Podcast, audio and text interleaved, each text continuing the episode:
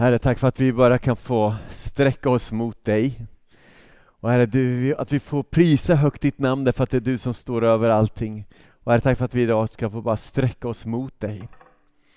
Herre, tack för att du har valt att eh, tala till oss. Du är en talande Gud. Du har talat till människor genom historien och tack för att vi i Bibeln kan få upptäcka vad du har sagt och vad du vill.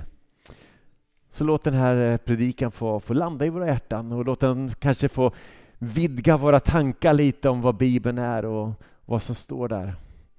Så tala till oss och gör oss mottagliga för det du vill säga. Amen.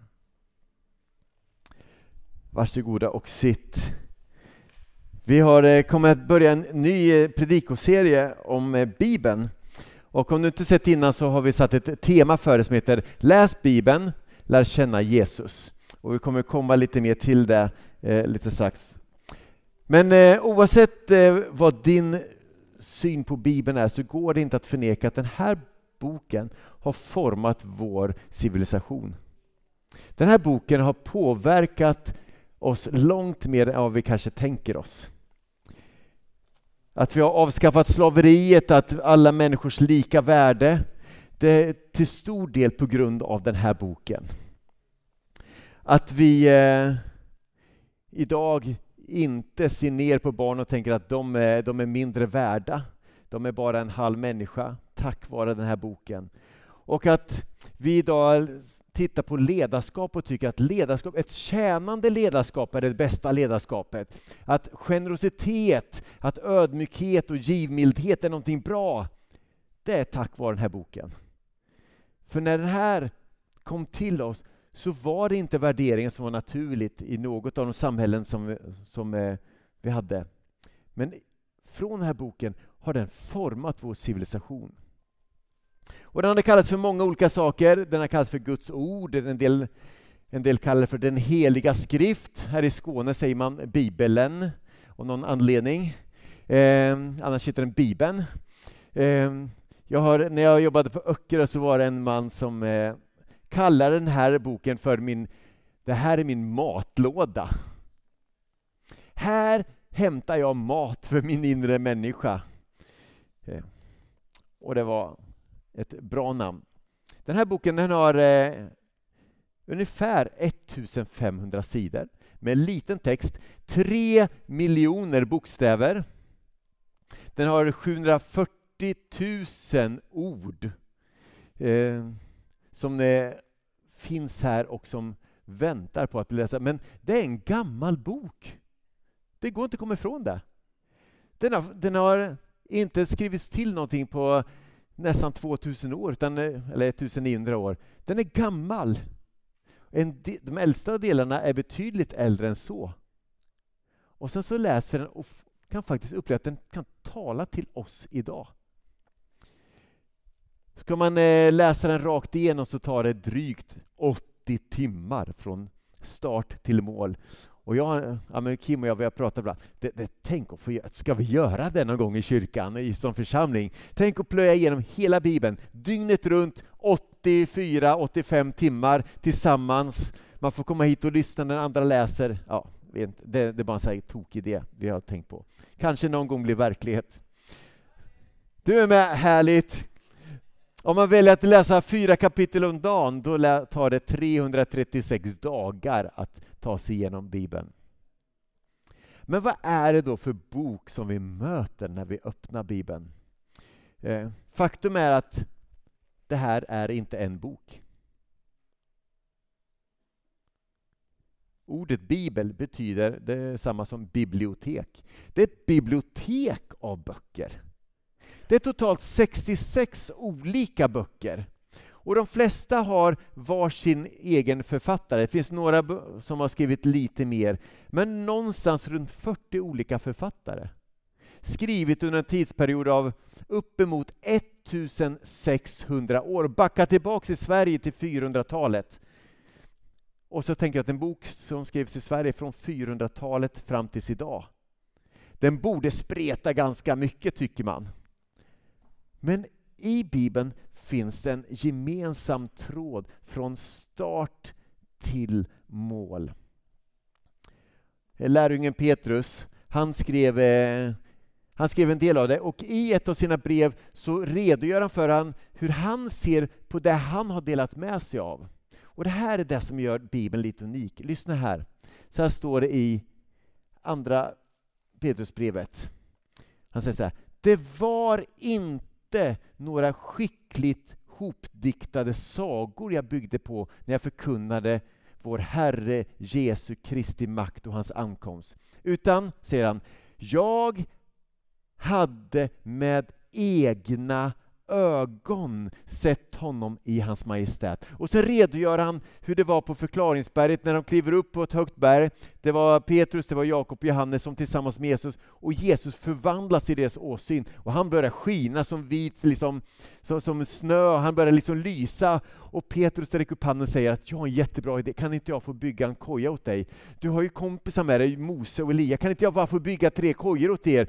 Det blir väl bra. Och genast så upphör allting och Petrus suckar att sabba i allting nu. Ja, jag vet inte. Men han hörde Guds röst komma ner från himlen och den här rösten sa Detta är min älskade son. Det var Gud som säger över Jesus. Detta är min älskade son, honom har jag utvalt. Och så säger Petrus så här, den rösten hörde jag själv komma från himlen när jag var med honom på det heliga berget. Så det, var, det är inte så att Bibeln är någon som suttit hemma på sin kammare och funderat vad, vad ska jag skriva för någonting? Vad kan vara kul att skriva? Utan det var människor som hade varit med om saker, som berättade det och som sedan skrev ner det. Och strax efter eh, så, så, fortsätter han med att berätta hur vi ska se på Gamla Testamentet och jag kommer återkomma till det. Men ungefär samma sak säger Lukas när han börjar sin, eh, sin bok. Han säger att efter att grundligt satt mig in i allt, ända från början, så har jag beslutat att i rätt ordning skriva ner det. Alltså någonstans så finns det att han hade upptäckt att det här är en berättelse som måste berättas och Lukas valde att skriva ner den. Så den kristna tron är inte vad man ibland brukar kalla för en uppenbarelsereligion. Det vill säga att, att någon människa har fått en uppenbarelse, liksom kommit i någon extas eller liksom kommit i kontakt med Gud och så har Gud bara liksom nedladdat massa ord och jag skriver och jag vet inte vad jag skriver. Så är inte Bibeln. Bibeln är en berättelse av människor som har lärt känna Gud, som har vandrat med honom och som under sitt liv har sett Gud verka och i bitvis kanske har hört Gud tala och så har de skrivit ner det. De hade ingen tanke på att den här boken ska läsas om 3000 år. De hade bara behov av att ja, men det jag har varit med om, det vill jag skriva ner så att andra kan få del utav det. Och så har det samlats i det som vi idag har som Bibeln. Människors berättelser av deras erfarenheter och där de har sett att Gud inte bara är någon långt borta, utan Gud har valt att kliva in i historien. Gud har valt att vara verksam först och främst i ett folk, Israels folk, och sen själv kliva in i egen person, in i den här världen, i Jesus Kristus. Men den första församlingen fanns ju inte under tiden egentligen som Jesus levde. Därför att det var några lärjungar som vandrade med honom, hade upptäckt honom och tyckte att han var rätt smart och rätt så bra, och han gör ju bra grejer. Men när Jesus dog så dog hela rörelsen. Men det var på tredje dagen efter hans död som det tog fart. Då de såg honom med egna ögon gåendes ibland dem, uppväckt från de döda. Det fick dem att säga, det här är något mer än bara en klok snubbe som gick omkring och gjorde goda grejer. Han är någonting mer än så. Och så börjar de att tala om honom. Och till en början så var det bara muntligt. Ska du få ut ett budskap på den tiden, ställ ditt gathörn och börja ropa. Det var så man gjorde. Ska jag sätta mig och skriva en bok, det tar ju veckor. Där kan man, så gott om tid har vi inte. Så i början var det muntligt man förde ut budskapet, därför det var så det var på den tiden. Men allt eftersom åren gick och man inser att vi börjar dö ut, vi som varit med om det här, så börjar man skriva ner sina erfarenheter. Men det tog lång tid innan det fanns en bibel som vi har den. Däremot så läste den första församlingen det vi, det vi kallar för Gamla Testamentet. Lagen, profeterna och skrifterna. Där läste den första församlingen, och de läste det inte bara för att nu ska vi se hur det var för judarna, hur man ska vara en god jude, utan de läste det för att upptäcka Jesus i det vi kallar för Gamla Testamentet. Och de hittade honom överallt, på plats efter plats efter plats och ibland på platser där de inte borde ha funnit honom. Men de grävde och sa det här, och judarna varit lite förnärmade, de tar vår bok. Och så, så, tog de kristna den här boken och läste den, och sen började det läggas till där bland annat Paulus började skriva om vad Gamla Testamentet sa om Jesus.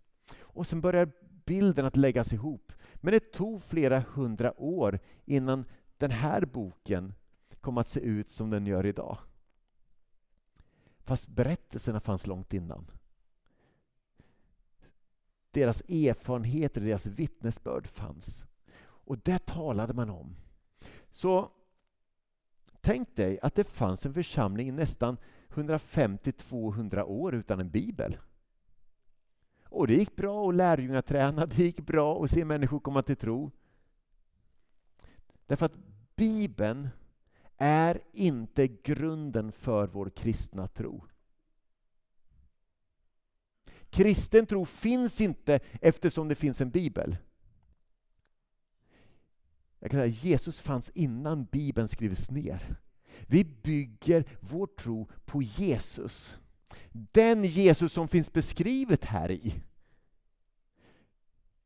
Men församlingar, människor mötte Gud. Människor fick en levande relation med Gud själv innan den här fanns som 66 böcker sammansatt till en bok. Så den här boken är på ett sätt en mänsklig produkt. På ett sätt. Det är människor som har skrivit.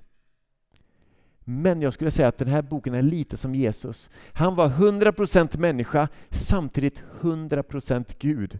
Därför att Gud har valt att använda människors berättelser och han har inspirerat människor att skriva. Och Jag brukar säga att den här den har 40 författare, men den har en gudomlig redaktör som har inspirerat. Och Gud har valt att använda de här människornas ord för att tala till oss. Så när jag öppnar Bibeln och läser om Jesus så är det den historiska Jesus jag läser om. Men Bibeln kan ju inte rädda mig till ett evigt liv, men Jesus kan det. Den Jesus som finns beskrivet i den här boken. Så när vi öppnar Bibeln så är det inte först och främst för att jag ska upptäcka vad Gud har för lösning på alla mina problem. Bibeln är faktiskt, den här boken beskriver Guds lösning på hans problem. Gud hade skapat en värld av människor, människor som valde att gå bort från honom. Människor som valde att säga nej till honom, som att vända honom ryggen. Och Gud längtade efter att få mänskligheten att komma tillbaka till sig. Och det är där vi läser om i Bibeln, från första steg, hur Gud någonstans väver en tråd genom Bibeln, eller genom de olika texterna, talar genom olika människor i olika tider för att peka fram mot Jesus som ska komma. Och sen har vi evangelierna, där vi kan läsa om Jesus. Människor som hade känt honom, som skrev ner om sina berättelser tillsammans med Jesus. Och sen har vi breven och de andra som tittar tillbaks på Jesus. Så Jesus är Bibelns kärna och stjärna. Här får vi möta honom. Och genom att upptäcka vad den här boken säger om Jesus kan vi få lära känna honom. Men det räcker inte. Jag behöver också vända min blick mot honom och säga Jesus, jag vill lära känna dig. Kom och tala till mig. Och Gud kan komma och fylla mig med sin heliga Ande och, så att jag kan få lära känna honom. Inte bara genom ordet få veta någonting om honom, utan jag kan få lära känna honom. Bibeln det är en bok där vi kan få ta reda på vem han är och vad han vill. Och Jag tänkte ibland att om Gud fick liksom, eh, sammanfatta allting i ett enda ord. Hur, beskriv, hur ska ni som tror på mig, hur ska ni på bästa möjliga sätt berätta för världen vem jag är? Vilket ord tror ni att Gud skulle vilja att vi använder då för att beskriva honom bäst? Att Gud är kärlek, säger några. Det, jag skulle nog säga att nio av tio som har gått ett tag i kyrkan skulle nog säga att vi sammanfattar allting med att Gud är kärlek. Och där vill vi ibland sätta punkt. Det är allt vi behöver veta. Att Gud är kärlek. Problemet är, för dig som har läst Bibeln ett tag, du har börjat inse att Bibeln säger inte så jätte, jättemycket om att Gud är kärlek. Den säger det absolut, men det finns andra ord som den använder mycket, mycket mer flitigt för att beskriva hurdan Gud är. Och om vi tänker att Gud bara är kärlek, och så läser vi Bibeln, då får vi ibland lite problem för att vi undrar, är det här verkligen kärleksfullt? Och så tolkar vi Gud utifrån vårt sätt att tänka kärlek. Men det finns andra ord som Bibeln använder mycket oftare för att beskriva hurdan Gud är. Och om du läser Bibeln mycket, då har du hittat de där orden. Och jag tror att vi skulle behöva återupptäcka lite mer av det. När man läser i Gamla Testamentet, eh, som då vi säger pekar fram mot Jesus, så säger Petrus, som vi läste från förut, han berättar hur den här Jesus, alltså hur vi ska se på de här skrifterna som handlar om honom. Och han säger de här orden från Andra Petrusbrevet 1. Att framförallt så ska ni tänka på att man aldrig kan tyda en profetia i skriften på egen hand, det vill säga Gamla Testamentet, på egen hand. För ingen profetia har förmedlats genom mänsklig vilja, även om det är människor som har skrivit ner. Utan så, så, så här, drivna av helig ande har människor talat ord från Gud. Och jag skulle säga så att det är så vi kan se på hela den här boken. Att här har Gud inspirerat människor att skriva ner ord från Gud. Men om man då inte ska säga att Gud är kärlek, utan de här orden, hur beskriver Gud bäst vem han är? Eller hur beskriver Bibeln bäst? Skulle man göra en litet schema för vilka ord man bäst använder så skulle ordet helig hamnar ganska högt upp. Att Gud är helig. Det står i eh, Jesaja 6 att änglarna de sjunger helig, helig, helig. Hela jorden är full av hans härlighet. Men lite oftare så beskrivs Gud som god. Klagovisarna säger att Herren är god mot dem som kommer till honom, mot dem som sätter sin lit till honom. Men jag skulle vilja säga att det vanligaste, eller det ord som kanske bäst av alla förklarar hurdan Gud är, det ord som på så sätt skulle få oss, när vi läser i Bibeln, att säga att ah, nu hänger jag med, nu förstår jag. Det är att Gud är rätt rättfärdig. Och det här är ett ord som vi inte använder speciellt ofta i svenskan. Läser du Expressen eller Aftonbladet, jag tror inte att du kan köpa ett stort antal nummer av det utan att hitta det här ordet rättfärdig någonstans. Därför att det är inget vanligt ord.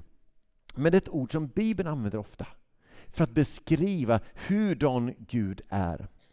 Ett exempel är i Uppenbarelseboken kapitel 16 där det står att rättfärdig är du som är och som var. Du helige som har fällt, eh, du helige som har fällt denna dom. Alltså att det talar om en dag då Gud kommer att döma världen och då säger det då så här, du är rättfärdig. Det vill säga att du har inte fattat några fel i ditt beslut, i din dom, utan du är rättfärdig. Och rättfärdig, som det inte är ett svenskt ord så kan man bara Tänk dig att det ordet betyder så här, att Gud alltid handlar rätt. och att han inte kan göra fel. Och genast tänker jag så här, oj, oj, oj, vad jag missat det många gånger. Så många gånger som jag velat berätta för Gud hur han borde göra saker. Hur han borde sköta sig. Gud, varför gör du inte så här? Eller varför gjorde du så där? Då tvivlar jag ju på Guds rättfärdighet, att han alltid har gjort allting rätt och att han aldrig kan göra fel. I femte Mosebok finns en otroligt fantastisk beskrivning. Det är i slutet av, eh, av Moseböckerna och Mose han utöser liksom hela sitt hjärta i en sång i kapitel 32. Och han säger de här orden. Herrens ära vill jag förkunna. Prisa vår Guds storhet. Han är vår klippa. Hans verk eller hans gärningar är utan brist. Hans vägar alltid de rätta. Han är en trofast Gud, fri från allt ont. Han är, vadå? Rättfärdig och rättvis. Och så vänder han fokus, Mose, och sen så tittar han på Israels folk och han tittar på oss som mänsklighet. Och så säger han så här. Med tiden sveks han av sina barn. Ett falskt och bakslukt släkte. Snacka om schyssta ord och säga till oss. Fast är det inte där vi ofta hamnar? Vi litar inte på honom, hans godhet, hans rättfärdighet, hans, att han gör allting rätt. Utan vi sviker för att vi tänker att vi vet bättre. Han är det vi inte är. Han är trofast. Vi sviker. Han är rättvis. Det är inte vi alltid. Han är rättfärdig. Han handlar alltid rätt. Definitivt, jag gör inte det. Han är fri från allt ont och det kan inte sägas om mig och jag tror inte det kan sägas om dig heller. Så Gud han är en klass för sig. Och när vi öppnar Bibeln så får vi läsa om Gud som är i en klass för sig och vi får upptäcka att okej, okay, är det så människor har uppfattat honom? Är det så människor har lärt känna honom? I så fall behöver jag lära känna honom mer. Att Gud är helig innebär och att Gud är rättfärdig innebär att han kan bli arg över det som är orätt i den här världen, men också glädjas med sanningen. Och därför kan vi ibland uppleva att det finns lite motsättningar i Bibeln. Framförallt om vi lever med tron att Gud bara är kärlek. För på ett ställe står det att han älskar oss. På ett annat ställe står det att, han, att det finns saker som han hatar. På ett ställe så står det att han välsignar och sen i ett annat sammanhang så förbannar han. Vid ett tillfälle så står det att han förlåter synder och på ett annat att han straffar synden. Är Gud bara kärlek? Ja, men då får vi svårt att få ihop det. Men om vi tänker att Gud är rättfärdig, att han handlar rätt och han är en klass för sig, då får vi lita på att det Gud gör är det rätta. Och det är där Bibelns författare vill få fram. Gud håller att lita på i livets alla skeenden, i livets alla tider. Och om vi förstår att Gud är rättfärdig, då får vi inte heller problem att tro att det finns en Gud som beskrivs i Gamla Testamentet och en helt annan Gud i Nya Testamentet. Det är samma Gud, det är samma skapare som finns i både Gamla och Nya.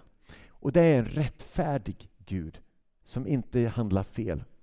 Och det är ytterst det som Gud från början är ute efter. När han skapar oss, så var det han mest av allt vill, det är att vi ska lita på honom. Och det är där det gick fel på en gång. Adam och Eva, när de fick höra vad Gud hade skapat, att Gud sa att ni får inte äta av det här, så började de med att ifrågasätta att Gud gör allting rätt. De började tänka att nej, men har Gud verkligen rätt i det här? Och sen tänkte de, nej, vi vill ju bli som Gud, så vi tänker göra det som Gud sa åt oss att vi inte får göra.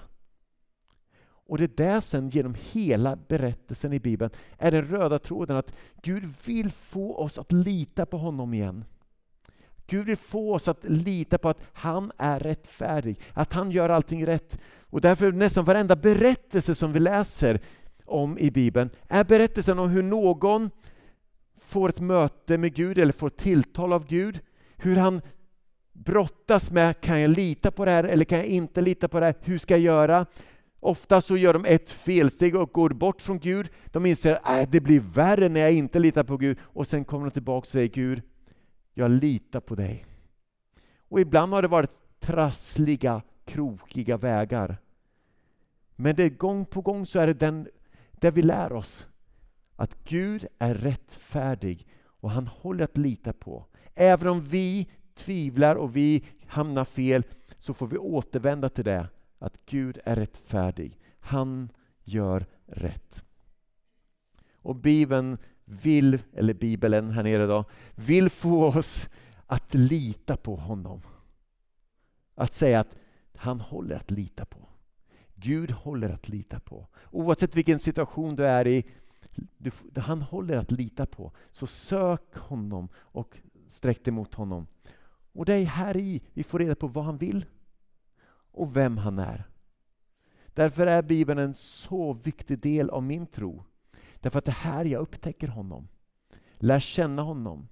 Men Bibeln är inte Gud.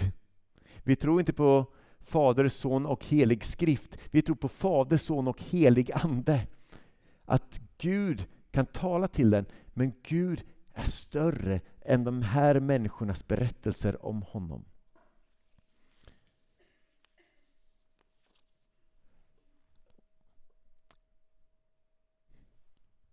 Men när jag ser och läser om David, Samuel eller Salomo eller när jag läser om Jeremia eller om jag läser om de olika kungarna. Grejen är att jag känner igen mig ganska ofta.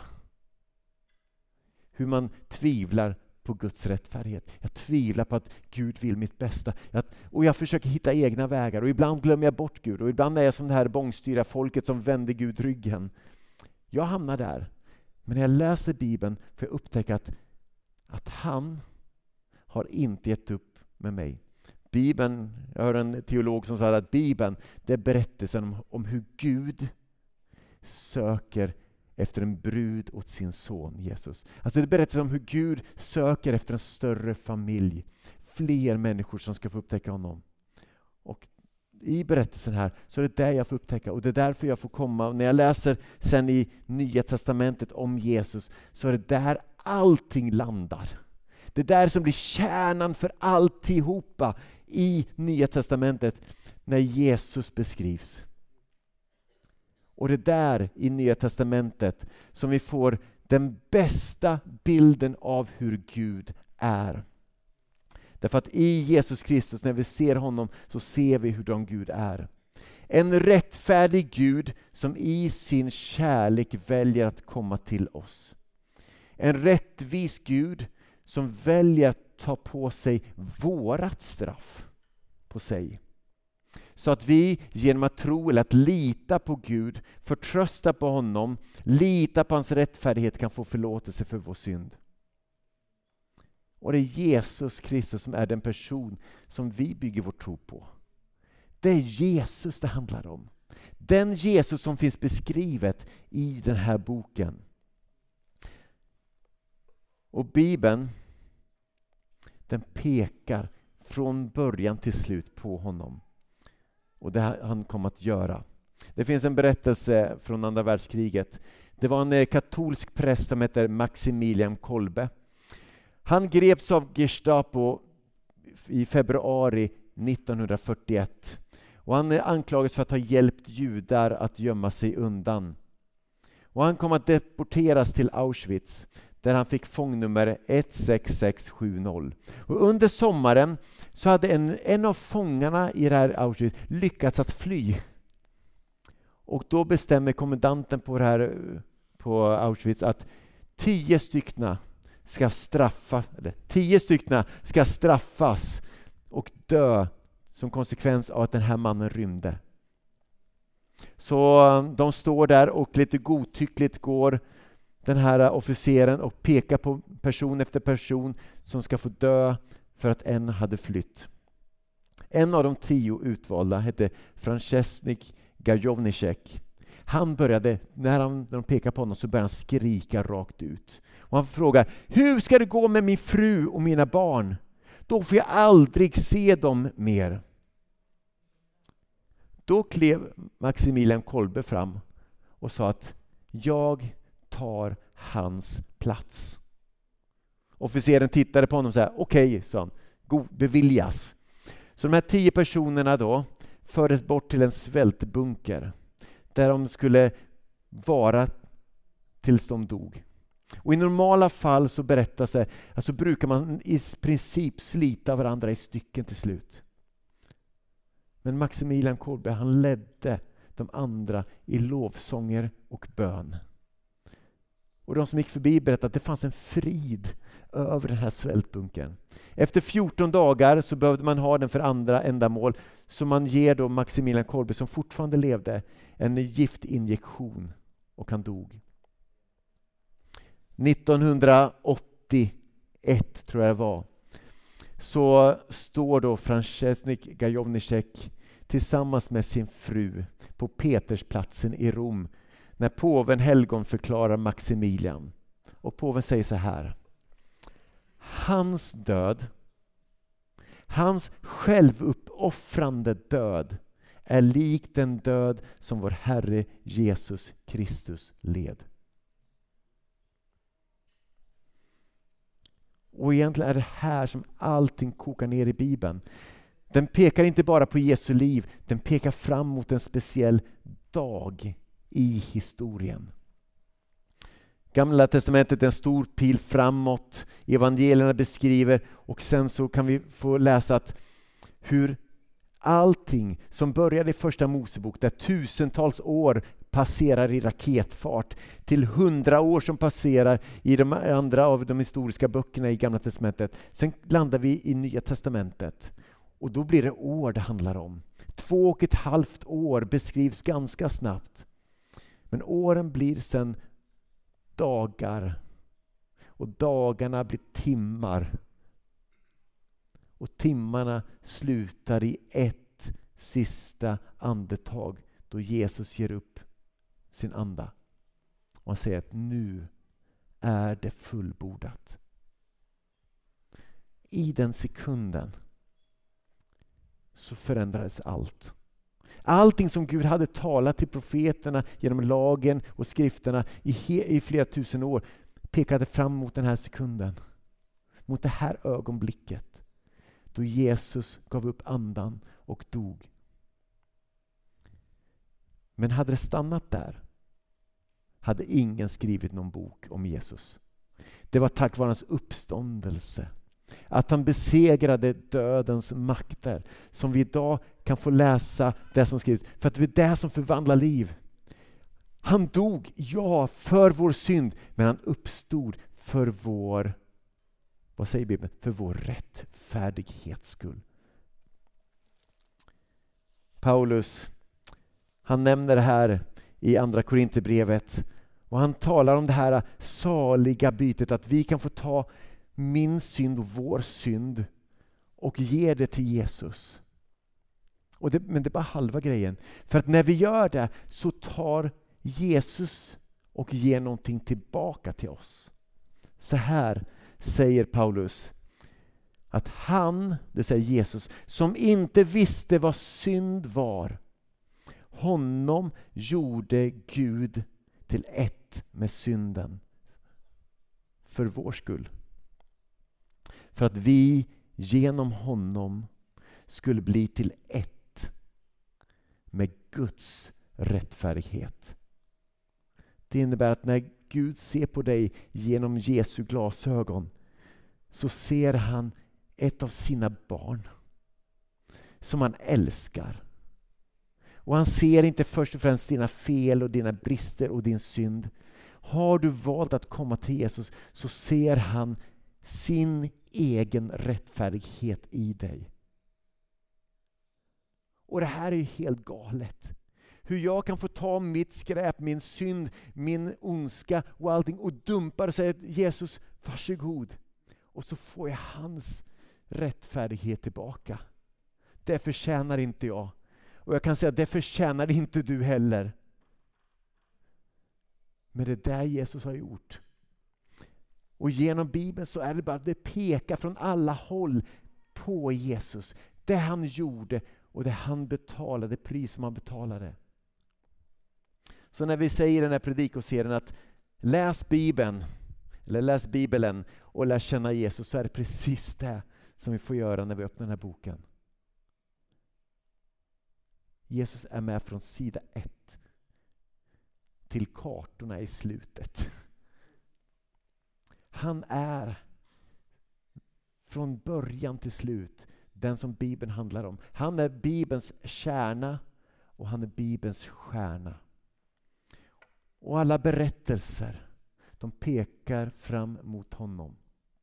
Så vill vi förstå vem Gud är, då ska vi se på Jesus. Han är rättvis och barmhärtig.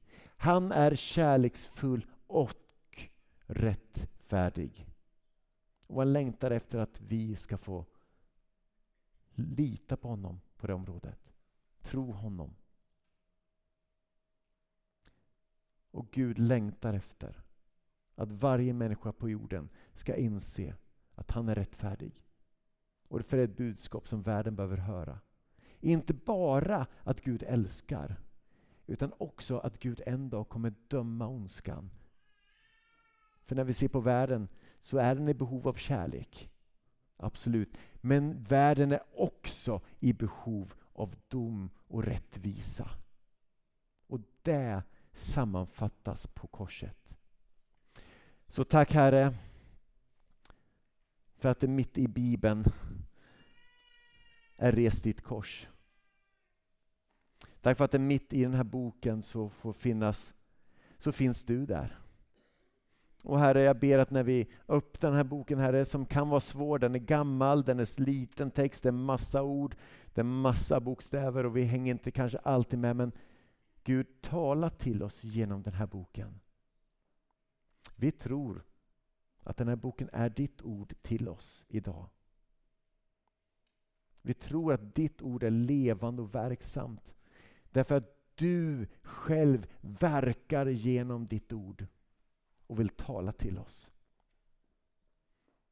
Och Herre, jag vill inte att det ska finnas en värld som är full av människor som tror på att Bibeln är trovärdig och sann. Jag vill att en hel värld ska upptäcka och tro på dig som Bibeln handlar om. För du är alltings ursprung. Och du håller att lita på. Så hjälp oss att leva vårt liv i förtröstan på din rättfärdighet. Amen.